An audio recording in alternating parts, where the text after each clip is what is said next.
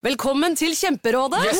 Denne gangen har vi fått inn et kjempedilemma fra en familie. Okay. Jeg leser Hei, vi er litt uenige i familien her. Mm. Hvis du skulle vært et dyr, ville du hatt gjeller eller vinger? Oi, den er tricky. Ja, Hva ville dere hatt, da? Altså, jeg vet ikke, men Med familierabatt får du ubegrenset data fra Telenor fra 399 kroner. Da kan du jo scrolle seg til svaret, rett og slett. Ja, ok, Men for min del Ja. gjelder. Nei, nei, Gjelder. nei, vinger. Nei, nei, gjeller. Ja, okay, ja, Kjempebra. Men eh, se nye mobilabonnement på telenor.no, da. Ungsamtalen fra DNB er økonomisk veiledning tilpasset deg som er ung. Bokk en ungsamtale på dnb.no. ung. Ok, det var jo en syk døll måte å forklare ungsamtalen på, da. En smart prat om penga mine, ville jeg sagt. Ikke sånn kjedelig økonomisprat, skjønner du. En podkast fra Podplay. Three, two, one. When liftoff. One, two, three, four, five, five, four, three, two, one. Okay, we checked all four systems, and there you go on modulation, all four, and keying with a go. Quality base here. The Eagle has landed. Du hører eh, Romkapsel nok en gang eh, fra Ny-Ålesund. Eh, Nå sitter vi og ser ut Altså, det er lys fra vinduet i etasjen under Eirik, så vi kan liksom se Uh, Se så vidt Vi lite grann. sitter og stirrer ut i det store mørket her. Vi Ja. sitter ved et stort vindu som er ut i Det er jo ikke svarte natta, det er jo på formiddagen, men fordi vi er midt i mørketida, så er jo formiddagen er som svarte natta andre steder i Norge. Ja. Det er jo det. Om, om eh, noen timer så blir det så vidt lite grann eh, lys, og da kan vi se konturene av fjellene her, og det er veldig vakkert. Veldig vakkert. Eh, og her i uh, Zeppelin-loungen uh, Ja. er det vi sitter, og har bilder av eh, luftskipet Norge. Eh, Ja. Og vi var jo en liten rundtur i går på museet her, og konkluderte vel med at det var en grunn til at eh, luftskip ikke ble vårt foretrukne transportmiddel. Mm. Hvorfor? Ja, det kan vi godt si. Altså, luftskip er jo i praksis som gigantiske seil. Luftskip er en sånn fantastisk kul teknologi. Jeg, da jeg var barn, var jeg veldig opptatt av luftskip, så jeg hadde jo flere bøker om luftskip. Selvfølgelig jeg, hadde du det. Selvfølgelig hadde jeg det. Jeg var Ja. luftskipsnerd. Eh, Og Norge og Italia, ferdene herfra og opp til Nordpolen, var kjempespennende. Og det var jo altså, eh, da disse ferdene ble gjort i sin tid, så var det jo helt klart banebrytende. I dag så er det rutine å fly over Polen med passasjer, eh, polene med passasjerfly, men den gangen så var jo det risikabelt som bare det, og banebrytende. Men for å trekke det litt sånn inn i romkapselland Ja, la oss nå eh, endelig gjøre det. Så, så, så, men det, jeg mener å huske, det har jo vært noen planer om bruk av noen luftskip eh, på litt forskjellige steder? Det det er helt helt riktig. Altså, man har snakket om eh, bruk av luftskip. Altså, alle steder hvor som har en atmosfære, kan jo i prinsippet, så lenge atmosfæren ikke er hydrogen, for da har du, ikke sant, da har du problemer. Da vil jo synke uansett. Eh, men eh, luftskip kan jo i prinsippet fungere både på Mars og på Venus eksempel, og i Jupiters atmosfære har man jo absolutt snakket om det. Så det kan hende at det er en sånn teknologi som har framtida for seg i rommet. Og det er vel egentlig mer sannsynlig at luftskip gjør noe viktig og nyttig i rommet enn det egentlig gjør noe viktig eller nyttig på jorda, for her fungerer jo fly og helikopter så sabla bra. Ja. Vi, så må vi si det at vi, vi heier jo, vi liker jo teknologi, vi er jo slags sånn teknologioptimister. Ja. Eh, Det må man jo nesten være når man skal være interessert i det feltet som, som vi driver og, og befatter oss Ja. med. Eh, Men så er det jo sånn at teknologi ofte kommer i konflikt med teknologi. Legger du merke til den segwayen jeg gjør her nå over til det vi skal Ja, snakke om? veldig, veldig ja, pent. jeg synes det er fint. Ja, det, er det, det, det er faglig sterkt. Eh, For, eh, for eh, det er jo sånn at vi er her og ekspederer. Det kan man si det når man altså, Hva er verbet av å være på ekspedisjon? Kan man si da ekspedere? Ja, det er et veldig godt spørsmål, egentlig. Altså, Vi er, Eks ekspederer, ekspedisjonerer, Ja, er- jeg vet ikke. vi er på ekspedisjon. Vi, altså, opp, det kalles jo også for oppdagelsesferd. ja, det er fint. Og, da, og da hender jo folk sier at ja, vi kan være Vi er sånn oppdagere. Nei, vi er jo ikke egentlig det. Alt er jo oppdaget her! Ja, alt er oppdaget. Vi er gjenoppdagere på Mm. våre egne gjengrodde stier. Um, Er det nå vi etter hvert kommer til at vi har gjester i studio, eller skal vi bare fortsette? det. Nei, jeg tenkte jeg, jeg, La oss gjøre det. Uh, du har uh, hørt uh, Leif Morten eh, Tangen før. Hei igjen, eh, Leif Morten. Hei, hei. Du, du er jo vårt vandrende oppslagsverk eh, her oppe. Det må vi jo si, da. Altså kan vi bare si det at før, før vi kommer til deg, Leif Morten, vi må jo bare si at det er noe eget ved å være et sted hvor ikke du har Google i lomma hele tiden. Og da trenger man vandrende leksikon, og vi har jo vært kjempeheldige, for det er liksom uansett hvor vi er her, så er det liksom bare ja, der er det, og der, eh, og, og der Han som bodde der, han eh, het sånn og sånn, og han levde fra da til da, og barna hans jobber fremdeles altså, det er sånn, yes, Ja, det er så Ja. kult. Det er jo en fascinerende mengde kunnskap eh, du har om ting som ikke har med jobben din egentlig å gjøre, Leif Morten. Hvorfor er du så in sånn generelt interessert i alt som skjer her oppe? Når du har bodd der i noen år, jeg kom jo opp hit i 97, så jeg reiste på slutt eh, i 2006, og så har jeg jobba for eh, Ny-Ålesund eh, stasjonen til Kartverket, og etter det. Så derfor så har du jo fått mange år som da at du eh, har eh, ja, sett hva som skjer her, og historier og sånne ting, da. Eh, ja, du, du, jobba, du jobba Du gikk på slutt? Eh, Ja, er det, sånn, det er, sånn det er et stamme, standarduttrykk. stammebegrep. Når at folk er ferdig med jobben sin og reiser ned fra Svalbard, så reiser du på slutt. Det er en, en sånn standard uh, formulering her på Svalbard. Ja, ok. Ja, for det er, det er litt sånn stammespråk og en del sånn uskrevne regler og sånn her oppe? ja, ja da, det er det. Altså, dette er jo et glimrende eksempel på egentlig med at selv på jorda så er det sånn stor avstand og isolasjon fører til at det liksom oppstår sånn som sier, stammespråk, eh, kulturer, vaner, måter å leve på som kanskje kan virke litt fremmede for folk eh, nede på fastlandet. Eh, Og det er jo i så måte så minner jo det altså som at den dagen vi eventuelt bosetter oss på andre planeter, kommer det garantert til å skje. Altså den isolasjonen og den avstanden som du vil få, gjør jo at de samfunnene du etter hvert får, kommer til å ligne De kommer til å avvike sterkt fra det vi har her. Ja, samtidig ikke. Og samtidig ikke. En del ting det, som vi har snakka om mange ganger, det her med, Ja. man skal bygge et idealsamfunn et annet sted og ikke ta med seg de dumme tinga, bare ta med seg gode tinga, og så veit vi det at nei, nei. Men det ble jo sagt en innmari interessant ting ved frokosten her i det Er det servicebygget dette heter? Ja. For at her, vi har altså dette, vi har jo sagt det før, men vi sitter altså i annen etasje av servicebygget. Under oss er kantina hvor alle spiser måltidene sine. Det er felles eh, måltider, frokost, eh, lunsj og middag til faste tider, eh, og det er veldig sosialt, og, og maten lages jo sentralt her. Og, og ved vårt frokostbord i dag så ble det jo da sagt at her burde det vært en sosialantropolog for å se på de effektene du har, ikke bare av at man er isolert og har en sånn, utvikler denne e- egne kulturen, men også dette med at du ikke du har altså så vi snakker om Google rett, lett tilgjengelig.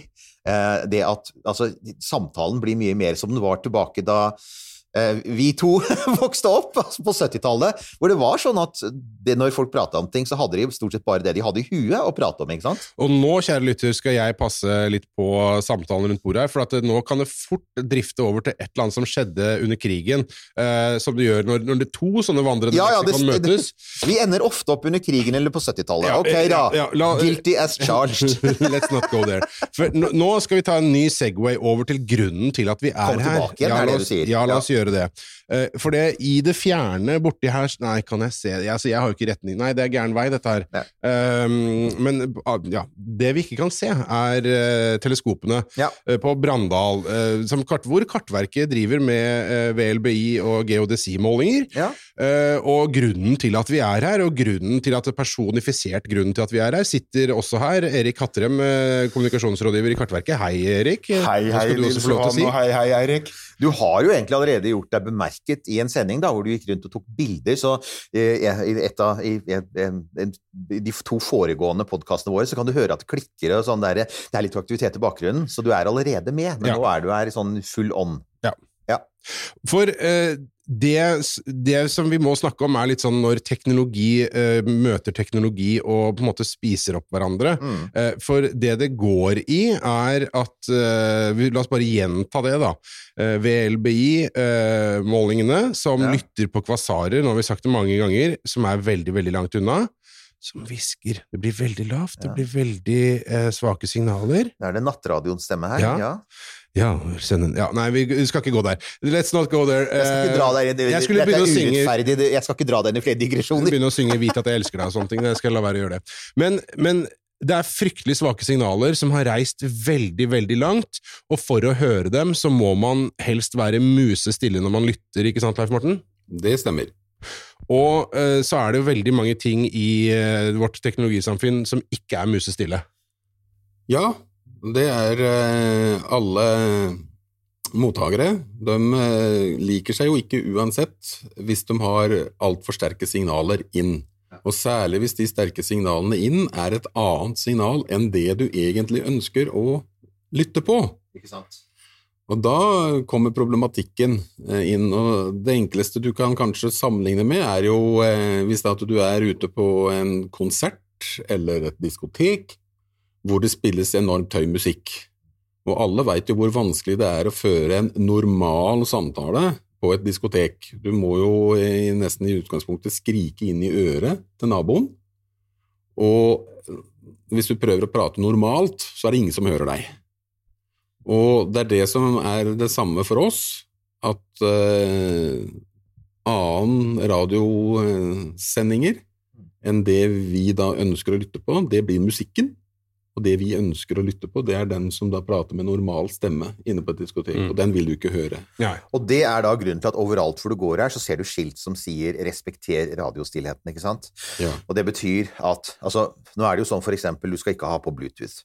Bluetooth er ikke veldig sterke signaler, men de er mye nærmere enn kvasarene, ikke sant? Så det er det som er Altså, så det hjelper lite at Bluetooth er utrolig mye svakere enn en kvasar, når Bluetooth er utrolig mye nærmere enn kvasaren er. Og da får du den overdøvelseseffekten, ikke sant? Ja. Ja.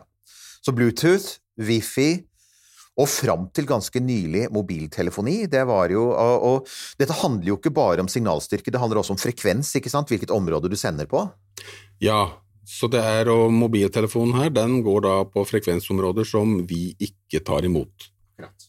Som da gjør at, eh, at vi ikke skal greie å se dem. Jo, For dette her i går, og da, det, synes, dette er sånn her, eh, det ironiske med det, er jo at i går så var vi en tur eh, ute for å ta noen bilder. Hvordan syns du det gikk å ta disse bildene, Erik, i den vinden som eh, bare blåste bort alt? Ja, det, det gikk jo ordentlig skeis, og det er jo første gang i mitt fotografiske liv at jeg ikke har fått tatt bilder pga. vind. Ja. Eh, men det har jo med lukkertidene å gjøre, for det er jo kølmørkt. Og jeg vil jo prøve å få et bilde av observatoriet vårt eh, i, i mørket, bare med en lang eksponering, så vi fikk fram det lille lyset som var. Og det, det skar seg jo totalt. Det var jo litt for sterk vind, og stativet rista, og alt rista. Og da var vi inne og kikka på liksom inni tuppen eh, på teleskopet. Hva, hva, det, det, det har et navn, hva, det, den tuppen? Eh, ja, det er feed cone. Feed cone. Vi var inne i feed cone. Det høres Eh, faktisk ut som like mye som noe fra landbruket. Ja, det var det. Ja, ja nå dager hos kom feedcon. Nei, nå må vi konsentrere oss. Men da eh, snakka vi litt om frekvenser, og da lærte jeg at eh, disse kvasarene, det man lytter på, er på 2 gigahertz. Og for den årvåkne lytter, eh, som vet at eh, wifi-ruteren din er på 2,4 gigahertz eller 5 gigahertz, som er akkurat det de skal lytte på her.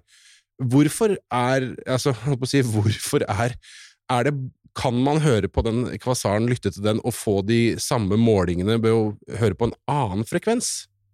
Eh, ja, eh, det kan du. Og eh, den, eh, det teleskopet vi var inne i i går, det bruker da de gamle frekvensene, som nå kalles for legacy. Og det er, der bruker vi fra 2 til 2,5 GHz og fra 8 til 9 GHz. Eh, På det nye systemet, som heter Vegos, så tar vi imot fra 2 til 14 GHz, så vi er fortsatt inne på det. Eh, Og det er et stort problem, fordi rundt omkring i verden så er forskjellige frekvenser brukt til forskjellige formål.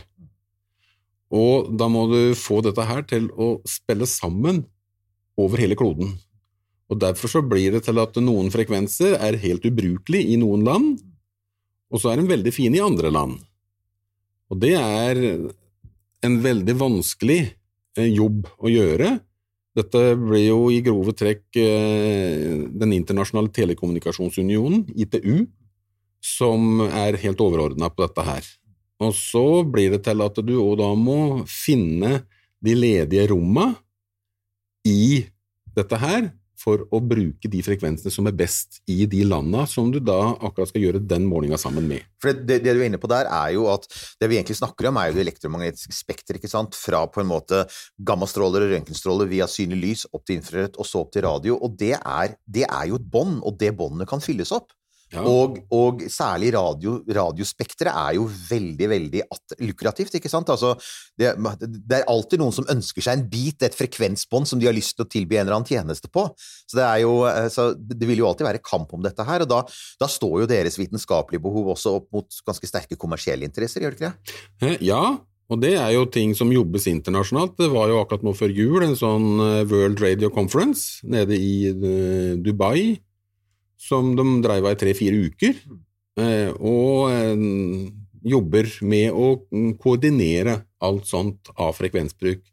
Og dette er et problem over hele verden, og spesielt for alt som har med radioastronomi, fordi det er så følsomme mottakere. 1202. Ungsamtalen fra DNB er økonomisk veiledning tilpasset deg som er ung. Bokk en ungsamtale på dnb.no. ung. Ok, det var jo en syk døll måte å forklare ungsamtalen på, da. En smart prat om penga mine, ville jeg sagt. Ikke sånn kjedelig økonomisprat, skjønner du. Nei, men altså Bare for å minne våre lyttere om det, da. At, altså, dere bruker jo da samme metoder som radioastronomer, VLBI, Very Long Baseline Interferometry, men dere bruker det jo til en annen ting. Dere bruker det annet til å sørge for at GPS-er er presise. Så det, så det som slår meg, er jo at vi er veldig avhengig av masse radiotjenester, inklusive GPS. eh, og paradoksalt nok, da, så kan vi være med på å undergrave dette. ikke sant? Hvis, hvis, hvis dere ikke kan gjøre målingene deres, og hvis andre lignende teleskoper ikke kan gjøre målingene sine, ja, da forsvinner jo dette Da blir jo dette romtilbudet mye dårligere over tid, ikke sant? Eh, eh, ja, og det er jo det som er problemet, da, når da at noen kanskje skal prøve å tjene masse penger. Og så tenker de bare ja, men det gjør jo ingenting, bare jeg tjener penger, så driter vi alt annet. Og, og da må det jo gå inn med myndigheter som regulerer. Og da er jo det store spørsmålet, Erik, eh, fra Kartverket sitt eh, ståsted, eh, hvordan syns du det går med å regulere det og, beskytte målingene deres? Jeg skal ikke si så, så mye om hvordan jeg syns det, det går, egentlig, fordi at min jobb er jo å at du, eh, og jeg skal unnta Eirik fra det, for han vet jo det meste som foregår i verden uansett, men den vanlige nordmann, du kan, du kan være min vanlige nordmann. Jeg tror ikke du tenkte... Dro du nå studiepoengkortet, Erik? Ja, det gjorde jeg. Det gjorde jeg. Ja, okay. ja, ja. Oss, oss, eh, No- oss vanlige. Oss Oss vanlige okay. ja, ja. Eh, Og, og, og så må jeg tenke litt på meg sjøl før jeg begynte i den jobben her. Jeg visste jo ingenting om problematikken.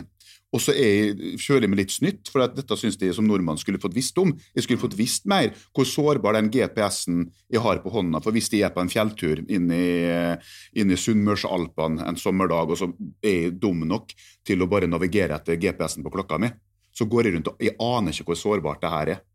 Eh, Jeg skulle jo selvfølgelig hatt papirkart og kompass, men jeg stoler på GPS-en i bilen når jeg kjører rundt i et fremmed land. Og så er det så sårbart, fordi at GPS-en kan bli unøyaktig hvis noen eh, forstyrrer VLB-antennene til Susanna. Mm. For hun er en viktig stasjon i VLB-nettverket òg. Da er min jobb å sørge for at nordmenn, og helst folk utenfor Norge, blir mer klar over det. Og det er jo det som er så spennende. Og så er det Leif Morten som vet teknologien bak. Og da er det jo sånn at når jeg skal kommunisere noe ut, så må jeg sjekke av og til med Leif Morten, og da får jeg ofte mailer tilbake at jeg har gått inn og endra litt sånn at jeg får sove i natt. Men jeg synes, altså, det er jo viktig altså, Ja, vi er på en spesiell plass. Uh, Ny-Ålesund er isolert. Det er stille her på absolutt alle måter. Og det er også radiostille her. Og dette handler jo også mye av det du snakker om her, handler jo om å ta vare på dette stedet, ikke sant? For at, eh, la, la oss bare innse det, de fleste andre steder, de fleste andre steder i Norge er ubrukelige til dette. Der, der er løpet kjørt. Her er det ikke kjørt. Og dere ønsker å, å sørge for at dette fortsatt beskyttes. Og da tenker jeg at jeg antar jo at kanskje at nå som vi er her nå, Altså, vi er i hvert fall, vi gjør vårt, men jeg antar at radiodisiplinen her nå er ganske god. Men det, er hvordan det er jo nedfesta i fribruksparagrafen. Det er jo lovbestemt at uh, frekvensbåndet mellom 2 GHz og 32 GHz er beskytta. Og det er Nkom som eh, har myndighet på det. jo noe Leif kan fortelle litt mer om akkurat det der, hvordan det der eh, fungerer. Men det er jo eh, å lage informasjonsmateriell da, som kanskje forklarer litt hvorfor. For det, du ser jo rundt omkring her det henger skilt av med mobiltelefon, av med Bluetooth. Eh, og det kommer jo mye turister hit om eh, sommeren. Det var egentlig det jeg ville fram Og da står det på sånn, skru av telefonen din. Og da er min tanke at kanskje vi skal fortelle dem hvorfor. For hvis vi forteller om hva de bidrar til med ved å skru av, så kanskje de har litt mer hjerte for å skru av. Ja, for, at, for Poenget mitt var vel egentlig det at som sagt, jeg vet ikke, nå om vinteren så er vel ikke et veldig stort problem med lokal interferens, er det det? Altså lokale forstyrrelser? Folk her er vel stort sett ganske flinke til å, å, å respektere Ja, det er eh, forholdsvis bra. Det er, eh, Nkom har fast monitorering for å følge med. Mm. Så, så det, er, det er overvåking på det. Så da kan du se hva aktiviteten er. Men sommeren var det jeg tenkte, ikke sant? For altså, dette er jo, Svalbard er blitt et populært turistområde. Det kommer jo annet cruiseskip. Altså, dette er jo igjen, dette er jo ikke et sted du kan reise til som turist, men du kan jo komme inn fjorden i båt, ikke sant? og folk kan gå i land. Og da, og, da lurer, jeg liksom på, har dere hatt noen erfaringer med at det der, der av og til kan skjære seg? Og at, eh, at du har, opp, har dere opplevd noen ganger, at du bør ikke nevne noen navn på noen selskap eller sånt noe, men eksempel når det kommer en båt inn fjorden, eh, at folk ikke har fått med seg beskjeden, liksom? Eh, Ja, og det, det er jo det normale som er vanskeligheten med alt som har med kommunikasjon å gjøre, det er jo å nå fram Mm. og, og få gitt informasjon om det. Og, og da er det òg at veldig mange kanskje ikke tenker at ja, men jeg har jo bare den lille mobiltelefonen min, Mm. den kan jo ikke gjøre så stor skade.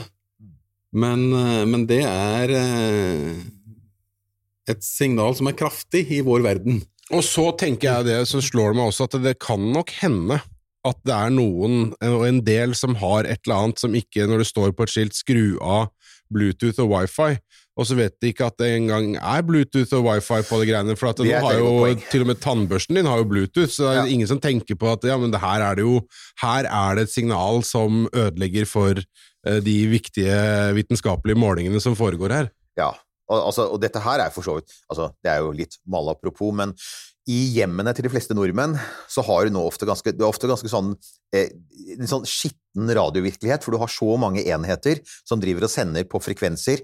En del av dem er bygd i et stort land langt i øst hvor man ikke er så veldig nøye på ting, og det gjør at liksom spredningen er litt annerledes, og det drifter litt, grann, og du kan faktisk, altså Mange av de problemene folk har i hjemmene sine, skyldes jo nettopp i en dårlig radiodisiplin, da, også fra produsentenes side. For, det, for som du sier, det er jo ganske bestemte frekvens på om du skal holde deg innen, men det handler jo ikke bare om at folk respekterer det, det handler jo også om at produsenter respekterer det, ikke sant? Ja, og det er veldig viktig, og der kommer jo alle disse her eh, reglene. Du har sånn for EMC og, og alt sånt, Mm. og det er jo da eh, ja, vanligvis internasjonale eh, bestemmelser for hvordan en radiosender skal oppføre seg. Og dette her, det er jo etter hvert nå så er antall frekvenser er begrensa, det er ikke uendelig av dem, og det er en enormt kamp for å få de frekvenser folk ønsker. Og da blir og kravet til senderne veldig store, fordi de skal kun sende på den frekvensen som de har fått bevilgning til. Og eh, som alle vet, så er det en sender som sender på én spesifikk frekvens. Den sender òg flere frekvenser, som kalles harmoniske. Og der er det blitt veldig strengt nå at eh, den senderen du har, den skal sende på den frekvensen du har fått, og så ingenting utenom. Hvis ikke, så ødelegger du for naboen. Ja, det er akkurat det. Nei, så den der, der Bluetooth-drevne oppvaskbørsten du har så lyst på på Alibaba eller AliExpress, ikke kjøp den. men, men altså, ok, eh, nå, nå drar jeg ut eh, vanligmannkortet igjen, og så prøver vi en kjapp sånn eh, slags uh, halvveis oppsummering. Fordi det som skjer her, er at det foretas målinger av jordas posisjon, som igjen er med og kalibrerer eh, GPS-signalene og andre eh, posisjoneringssystemers signaler, hvor da man må ha et eller annet, et eller annet nullpunkt, og det er jo det man på en måte fastsetter her. Og så er jo da mitt spørsmål, Leif Morten. Hvis jeg skrur på alt jeg har med meg av Bluetooth og wifi og sånn, eh, hva er det Altså, i hvilken stor grad er det det ødelegger, og hva ødelegger det? Eh, vi, de signalene vi tar imot, det er helt tilfeldig støy. Og eh, som vi viste deg i går, så er vår mottaker kjølt ned til 4-5 kelvin, altså 270 kuldegrader omtrent. Fordi når eh, elektronikk blir kjølt ned, så lager den mindre egenstøy. Og siden vi bare tar imot støy, så må vi lage så lite støy som mulig sjøl. Og så bruker du matematikk for å greie å sortere ut det signalet som vi er ute etter fra kvasaren, som da ligger inne i vår kan du si, egen støy som blir lagd av systemet. Og da skal det utrolig lite til med annen ekstern støy før enn det signalet vi er ute etter, blir ødelagt. Og for at du skal greie å finne det og gjenkjenne det. Husker det veldig godt fra Altså, jeg jobbet jo med eh, sånn støyrike signaler fra stjerner i sin tid. Eh, Det var riktignok ikke, det var ikke radio, men optisk. Og da var du veldig opptatt av akkurat det der med å få redusert støyen så mye som mulig, og finne teknikker for å få gjort det. Og det var utrolig mange støykilder. Der var det jo da optiske støykilder, for vi har jo da et problem med lysforurensning også. Dette er jo egentlig, alt dette er jo relatert til at veldig mye menneskelig virksomhet nå Vi har jo tidligere snakket om lysforurensning ikke sant, i, i, i podkasten vår, og det er et alvorlig problem også for astronomer. Så du har det, du har radiostøyen, og så har du da i tillegg da, så har du jo det som er i ferd med å skje i verdensrommet, ikke sant? For det er jo, altså dette er jo et tema i stadig utvikling. Kommersielle aktører ønsker seg tilgang på stadig liksom de juicy bitene av frekvensspekteret som, som fremdeles er der, som fremdeles er ledige, og de pusher stadig på for det. Og så pusher de stadig på nye steder å sende og motta fra. og ja, altså Starlink har jo da begynt å dukke opp her oppe nå. da. Det var jo en stund hvor Elon Musk sa at han hadde ikke tenkt å dekke nordområdene, men det gjør han jo nå. Altså hvordan, altså hvordan Disse, disse megakonstellasjonene, for det er ikke bare Starlink. Det er altså Amazon skal ha sin, og kineserne skal ha sin. 1202. Hvordan tror dere at dette kan komme til å påvirke dere? Jeg tror i hvert fall at eh, det blir ikke min jobb å overbevise Elon Musk om å ta ned en Starlink. Og det skal du være glad for. men det har vært veldig artig å fått lov å prøve det, men jeg vet ikke om det. Det, det skulle jeg gjerne ha sett. Men, eh, ja, for at det, er jo, det er jo det med analogiene du bruker, og sånn, og det, det er jo like å sammenligne her. Med at, og det er jo, der er jo du veldig bevandra, det å være på bibliotek. Der er du ofte der, der er du stille, når du, eh, fordi du vet at hvis du snakker med din utestemme der og, eh, og, og drar løs, så får ikke andre ro og fred til å lese. Og de lærer ingenting. Nå ble det personlig her. Ja, Men da skjønner du det bedre òg. og, og, da- er det jo den der eh, analogien der at her oppe så trenger vi den bibliotekstillheten for at Susanna skal få levert, levert de viktige dataene sine til sin correlator, hvor dataene blir samla inn fra de andre observatoriene. Og eh, når det kommer til det som er oppi der nå, så eh, har jeg ingen svar på hvordan det skal gjøres. For det er jo der til det detter ned, men at det er mellom antennene til Susanna og kvasaren, er det ingen tvil om. Ja, altså, det er jo allerede begynt å bli et problem sånn rent optisk. For Kan jeg bare Ja. skyte inn en liten sånn saksopplysning her akkurat nå? Susanna er da altså eh, base commander som vi har eh, utnevnt henne til, altså som er stasjonssjef her for, eh, for Kartverket, og som sitter og, og henter ned disse målingene, bare så Og det var, si det. altså hun er jo også Vi har jo en egen sending med henne òg, Ja. så det er, det er henne vi snakker om her. Vi er veldig på fornavn her oppe. men, men ja, det er jo Altså, vi har jo Dette her er jo det begynte jo faktisk, det er interessant, for dette, da, da man begynte å skyte opp Starlink, så var jo optiske astronomer var jo veldig opptatt av dette. Starlink, når Starlink midt på natten, så vil du for så vidt ikke se noe reflektert sollys fra Star, Starlink-satellittene, men de er såpass høyt oppe at de, de er faktisk synlige ganske lenge etter solnedgang, og, og astronomer har allerede måttet begynne å planlegge liksom ut fra hvor Starlink-satellitter står, og dette er bare starten. Ikke sant? Nå er det, jeg husker ikke hvor mange det er, 4000-5000 tusen eller sånt, og det begynner å bli en del, men målet er jo sånn 40 000, har jo Musk sagt. Og så skal Amazon ha 10 000-20 000, og så skal kineserne ha 10 000-20 000, og før vi har Nord-Norge, så har vi kanskje 100 000. 100 Hva, 000. hva skjer da, Leif Morten? Ja, Eh, ikke sant, for det jeg tenkte, altså er det, er det i de, eh, altså disse frekvensene det, som satellittene sender på, er noe av det i konflikt med, med det dere gjør her? Er det noe dere, noe dere kan se? Eh, Ja, det som er det fine da, med å være så langt nord, hvis du går og ser på Starlink sitt dekningskart, så er vel den øverste banen for de fleste satellittene stopper på ca. 60 grader. Ja. Og så er det noen få satellitter som går over Polen. Så eh, hele jorda er omtrent teppelagt når du ser på det, det kartet, med unntak av nordlig og sydlig del av kloden. Ja. Så for oss er problemet mindre enn eksempel en stasjon i Sentral-Europa. Ja, for der er det full dekning, ikke sant? Ja. Ja. Og, der er, og da blir det til at du kanskje må prøve å se mellom satellittene.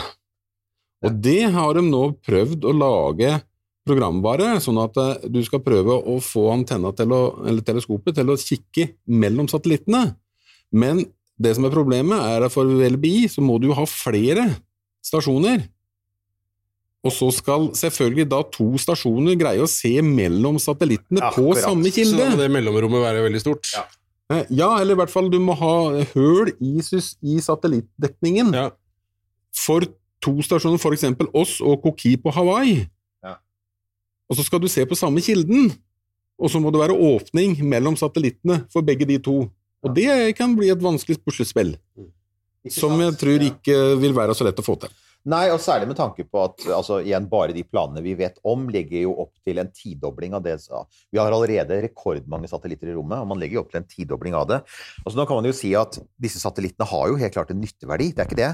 Uh, og, og, og, tanken bak Starlink liker jo for så vidt jeg, men det som er problemet med Starlink, er jo at de har fått tillatelse fra amerikanske myndigheter til å skyte opp.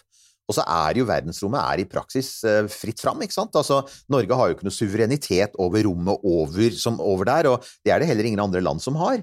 Så når først Elon Musk har fått klarsignal, SpaceX har fått klarsignal fra USA, så er det i praksis grunnen til at det kommer til å komme 42 000 satellitter der oppe etter hvert, er fordi én mann mener at det er en god idé. Det var hans idé, ikke sant?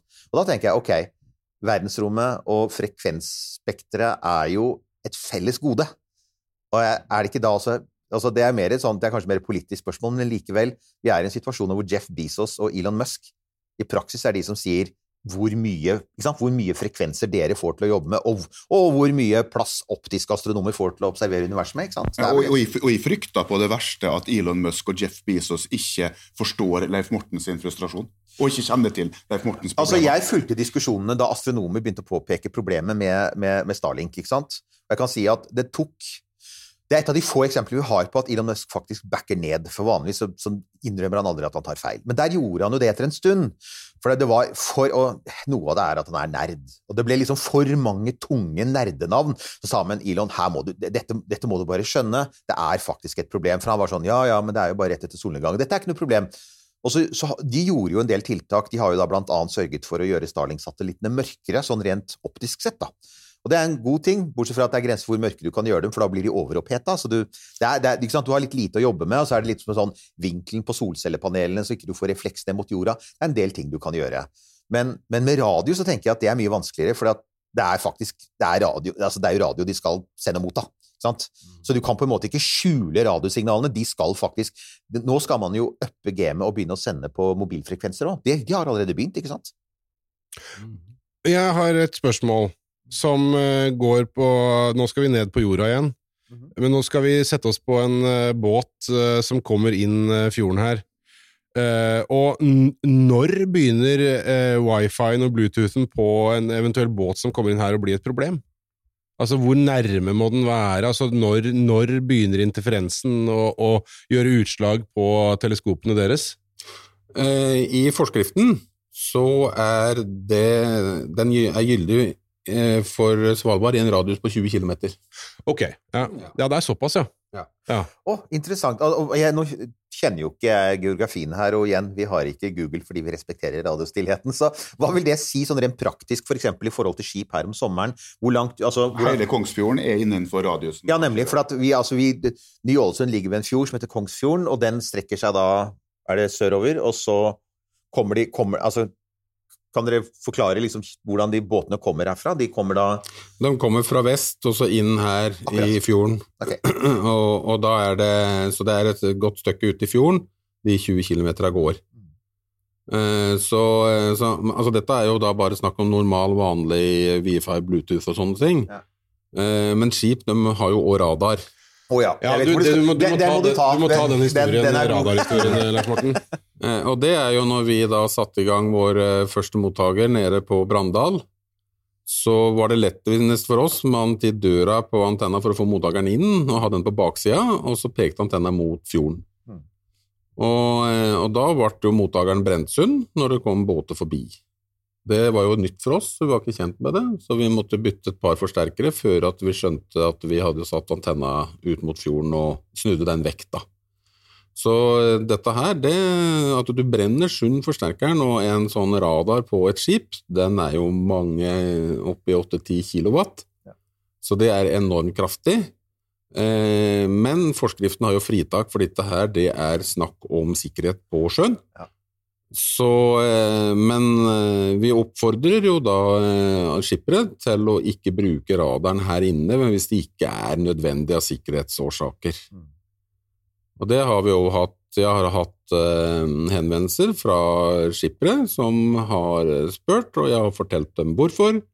Og jeg har også sagt at eh, hvis du ikke bruker radaren her, så hjelper du alle dine kollegaer som er på sjøen over hele verden, inklusive alle andre som driver navigasjon, til å få en bedre navigasjon ut fra dine satellittbaserte systemer.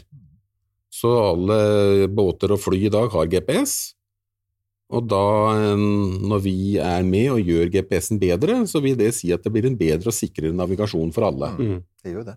Men er det, er det sånn at øh, Altså, når dere foretar målinger, så gjør dere jo det over, over en viss tid, ikke sant? Uh, er det da sånn at hvis det kommer hvis det, kommer litt, hvis det blir sørt litt Bluetooth eller wifi inn i, inn i målinga, er, da, er, det liksom da, er hele, hele den datapakka da ødelagt, eller hvordan, hvor mye påvirker det? Det som er saken, er at vi, vi driver jo med trigonometri. Så vi, eh, vi eh, måler i mange forskjellige retninger. Og, og da er det jo, hvis at vi peker vekk fra kan si, støykilden, så er det jo ikke, da får vi inn et bra signal. Og derfor så er det så om, om du får ja, kanskje en reduksjon på 20-30% av det du egentlig kunne hatt, da.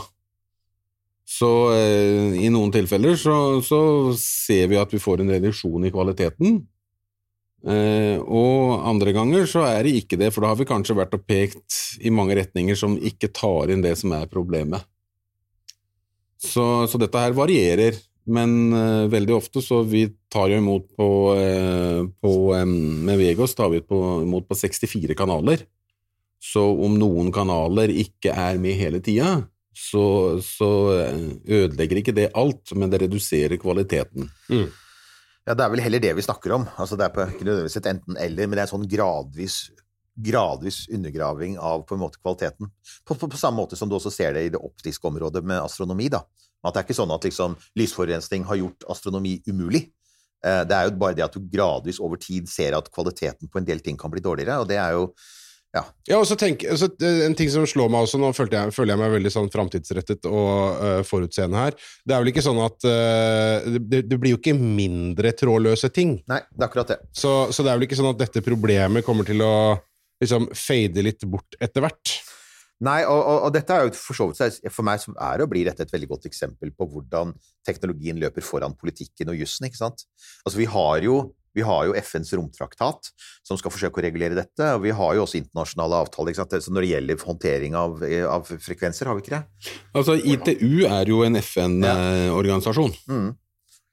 Og, ikke sant? Så, da, så man, man, har jo for så vidt et rammeverk rundt det, men spørsmålet er jo sanksjonsmulighetene. da. Spørsmålet er jo da om noen tar seg til rette, som eksempel når altså, eh, Dette er jo en ting vi har sett ganske mye av eh, fra særlig Newspace. da. Altså, Sånn sett så kan du si at mange av de gamle telekommunikasjonsselskapene antagelig var greiere å ha med å gjøre, for de har vært i dette feltet lenge.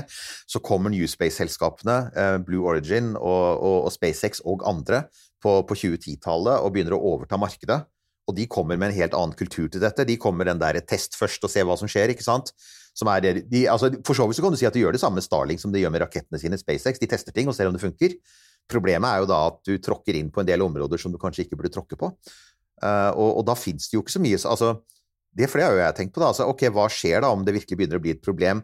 Hvilke muligheter har man egentlig til å si ja, men nå, nok er nok? ikke sant? Nå må dere faktisk stoppe, nå får dere dagbøter om dere fortsetter å ødelegge signalene våre. Kan man i det hele tatt gjøre det slik systemet er i dag? Eller kan man bare si sånn slap on the wrist sånn fy! Fy, Blue Origin! Jeff, nå må du holde opp, ikke sant? Ja ja, yeah, whatever, ikke sant? Hva tenker du om det? Altså, er, det er det noen sanksjonsmuligheter? er egentlig det jeg tenker, sånn, hvis, hvis, det skulle, hvis, dette fortsetter? Eh, når det gjelder fra rommet, altså satellitter og sånn, så blir det jo problemstillinger, som du sa. Det er jo egentlig ingen som har noen myndighet der. Eh, når det gjelder da eh, Og så er det da hver enkelt lands eh, frekvensmyndigheter som regulerer dette her. Og, og da er det jo snakk om hvordan de reglene er lagd rett og slett, i de forskjellige land. Vi har da Nkom i Norge som styrer dette her. Og, og, og der er det jo sånn at hvis du har brudd på regelverket, så er det vel snakk om bøter, og i verste fall om det er fengsel, er jeg usikker på. Men det er her nede, ikke sant? Så der oppe, så Jo, men Ja, så har vel vi eh, nevnt ved flere anledninger at det kunne jo hende at det hadde vært en idé å så oppdatert den der eh, romtraktaten aldri så lite grann. I høyeste grad. For den var da fra 72 eller et eller annet sånt nå, Ja. Eh, og det har jo skjedd en del eh, siden Ja, altså, den tid. ja, jeg driver jo akkurat nå og leser en bok som flere av lytterne våre har anbefalt, den som heter A City on Mars, som er to journalister som har liksom sett på dette feltet, kom i fjor høst. Veldig interessant.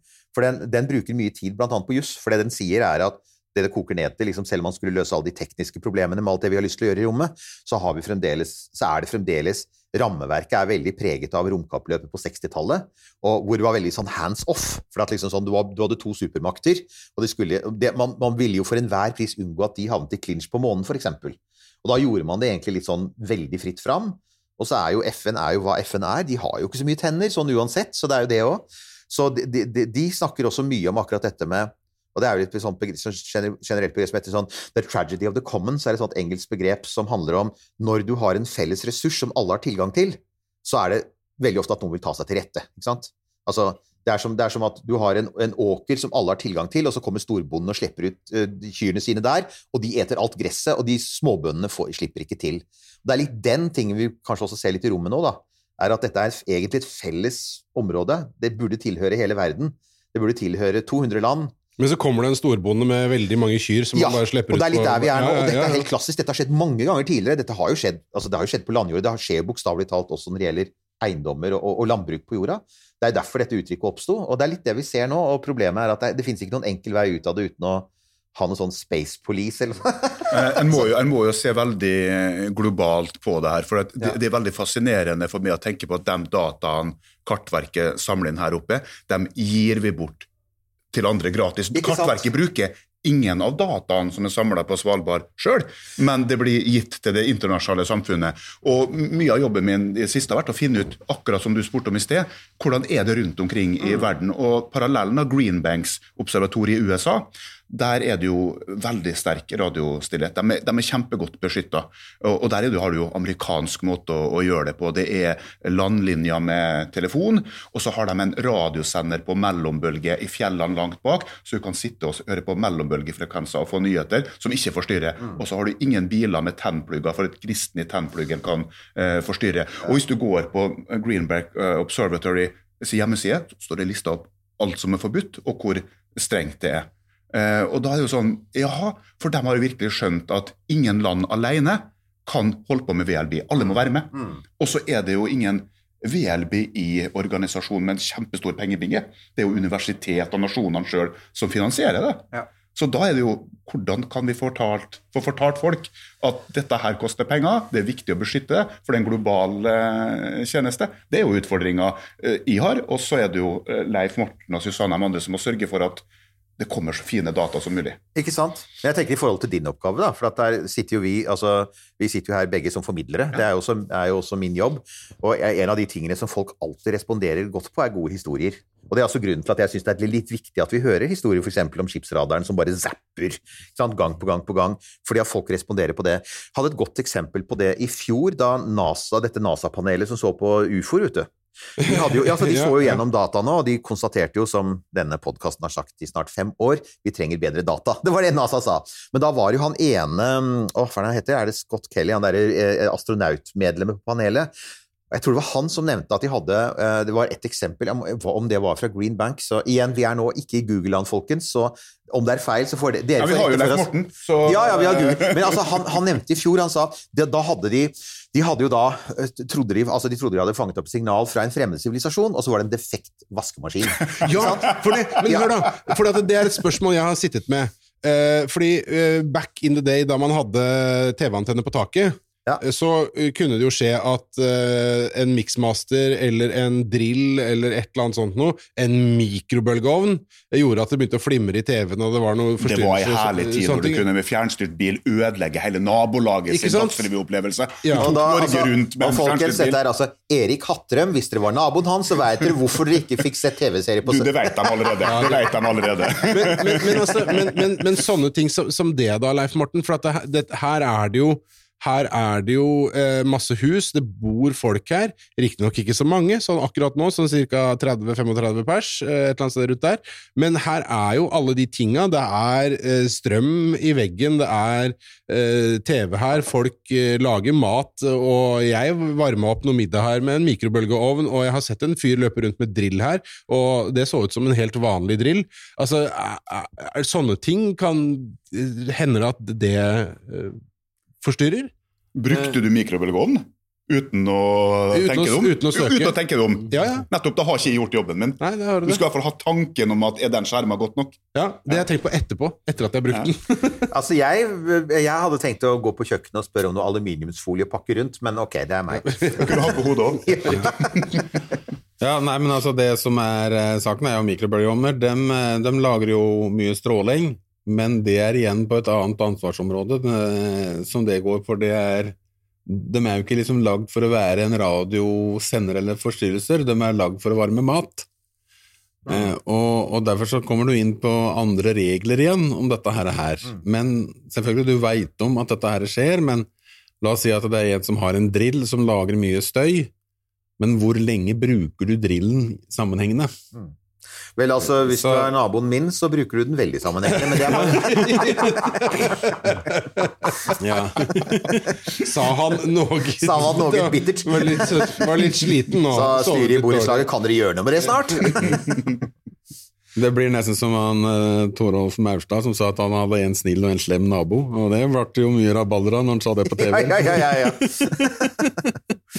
Men eh, folkens, eh, tenk litt på da, hva dere gjør. Dere, og, og bare respekter at det faktisk finnes steder hvor du ikke kan få blogga, og hvor du ikke kan få eh, TikToka Svalbarddansen din. Altså, det jeg tenker, Dette her er egentlig for så vidt et sånn godt eksempel på at på den ene siden så er det viktig at folk tenker på det, men de behøver jo ikke å tenke på det overalt. For de fleste steder har vi nå akseptert at der er det mye radiostøy, og der skal jo dere uansett ikke observere. Så fins det noen unike plasser på jorda hvor det må være det for at ting skal funke som de skal. Så det jeg tenker er liksom mer altså, at jeg syns det er fint om liksom, lytterne våre er klar over dette. Og hvis de kjenner en stortingsrepresentant, så kan de godt liksom invitere henne på en øl og si du, altså der fins et sted, eh, Svalbard, dere må liksom, ikke sant, kan dere passe litt ekstra godt på det? For uh, det er jo en del sånne ting som vi snakker om som det er viktig å gjøre noe med å ta vare på, som gjelder alle, liksom. Ja, sånn resirkulering, plast, slike ting. Og så er det en del ting som egentlig, altså om du bruker wifi hjemme hos deg, vi sier, jo, vi sier jo ikke at du skal slutte å bruke wifi og begynne å spise spirer og sykle, det er veldig bra om du gjør det, men det er ikke nødvendig, ikke sant? Men det er mer, her, her er det mer sånn, det må gjøres noen politiske grep, ikke sant? Altså, så må du ha, du må ha Jeg er fornøyd med det, altså jeg kaller det for radiohygiene. Du må ha god radiohygiene når du er her i Ny-Ålesund og i andre sensitive områder, og det må folk skjønne, og det må liksom disse cruiseselskapene og cruiseskipene skjønne, og der må det gjøres en jobb. Drømmen er at det skjer globalt, at også andre observatorier eh, får samme respekten fra mennesker rundt seg om at wow, eh, be silent, they are listening to space. Vi må Ja. bidra. At vi forstår det at eh, vår moderne teknologi har løpt langt foran vitenskapens evne til å beskytte seg. Ikke sant? Og så trenger vi en helt annen sånn Vi trenger en helt annen kontroll med det som skjer i jordbane. For det handler ikke bare om optisk astronomi og om radiostøy, det handler også om romsøppel. Dette har vi vært inne på før. Det er noen felles greier her med at denne felles eiendommen, det er jordas felles eiendom, det er vår alles felles eiendom rett over hodene våre, er nå i ferd med å fylles opp av aktører som ikke behøver å respektere noen lover og regler, og det finnes ikke noen, det finnes ikke noe rompoliti, ikke noen sånn gode sanksjonsmuligheter. Og og på et eller annet tidspunkt så er det enten så skjer det noe med radio, eller så skjer det noe optisk, eller så skjer det noe med romsøppel, som plutselig For at vi eskalerer, eskalerer, blir bare mer og mer og mer, og på et eller annet tidspunkt skjer det noe. Så det har jo vært snakket lenge om at du trenger et eller annet organ som faktisk regulerer dette bedre, men det skjer jo ikke uten noe politisk press, ikke sant? Det er jo et politisk spørsmål. Men Altså- Det er absolutt et politisk spørsmål. Men, Det burde inn på et part... Jeg Spør du meg, så burde det inn på alle partiprogrammer, men jeg vet at det kanskje er litt mye å du ikke av. vinner verken kommunevalg eller stortingsvalg på å eh, rope Søren heller, jeg mener at dette er en god sak. Dessverre, det har vært en, vært en veldig fin Ja, ja, ja, ting hvis det var sånn, men det er akkurat radio, Radiohygienepartiet, jeg er for det. Men oss formidlere mellom, eh, når du er ute på formidlingsturné, så har jo du sikkert en god følelse. Du er vel kanskje en god lakmustest på hvordan Norge er på mange ting, for du snakker med så mye folk, du treffer så mye folk, du, du kan kjenne litt på strømningene og folkemeldingsgruppe. Og da må jeg spørre deg, føler du at Norge er klar over hvor sårbart GPS-systemet Nei, men er. Helt klart ikke. Og, det er, det er, og dette har jo litt å gjøre med at det er liksom litt for mange mellomledd. ikke sant? Vi, vi lærte jo det, nå har vi jo lært det her, med at dette er en fantast... Jeg syns det er en fascinerende prosess, og den er utrolig avansert. Men det er fire-fem ledd liksom fra observasjonene som gjøres her, og til GPS og til folks hverdag. Og det å formidle alle de leddene er det, Let's face it, det er vanskelig. Det er mye lettere å formidle korte prosesser, og ikke minst er det mye lettere å formidle menneskelige historier. Derfor mener jeg fremdeles at noe av det beste potensialet vi har for å formidle viktigheten av det som skjer, er faktisk å formidle denne, denne plassen. For den er unik, det. Altså, vi, vi er jo litt frelst, er vi ikke det? Jo, jo, det er, Altså, det er helt strålende. Jeg vil aldri klare å bo her, men for en plass! For, for et sted, definitivt. definitivt. Så absolutt. eh, Det er en rar boble å være her. Men og før vi går helt over i en sånn metadiskusjon om uh, historiefortelling og formidling, så tror jeg vi, det kan vi gjerne fortsette med, men da skal vi avslutte denne eh, episoden av eh, Romkapsel. Eh, vi er på de vanlige stedene. Facebook, ikke akkurat igjen, da. Ikke akkurat nå. Eh, om noen dager så, så er vi der. Alt avhengig av når du hører dette her, selvfølgelig. Men uh, tenk på det, uh, og, og få det med deg. Husk på det. altså Du blir et bedre menneske når du bare vet ting. ikke sant? Skal, du, nå hører jeg Kumbaya i bakgrunnen, og nå må vi slutte. Eirik, eh, takk, for nå. Ja, nei, ja, Dette blir en sånn en metaavslutning fra meg òg, sa han bittert. Og naboen, ta oss og chill litt med den drillen, da. Ikke sant? Du har hørt en podkast fra Podplay. En enklere måte å høre podkast på. Last ned appen Podplay, eller se podplay.no.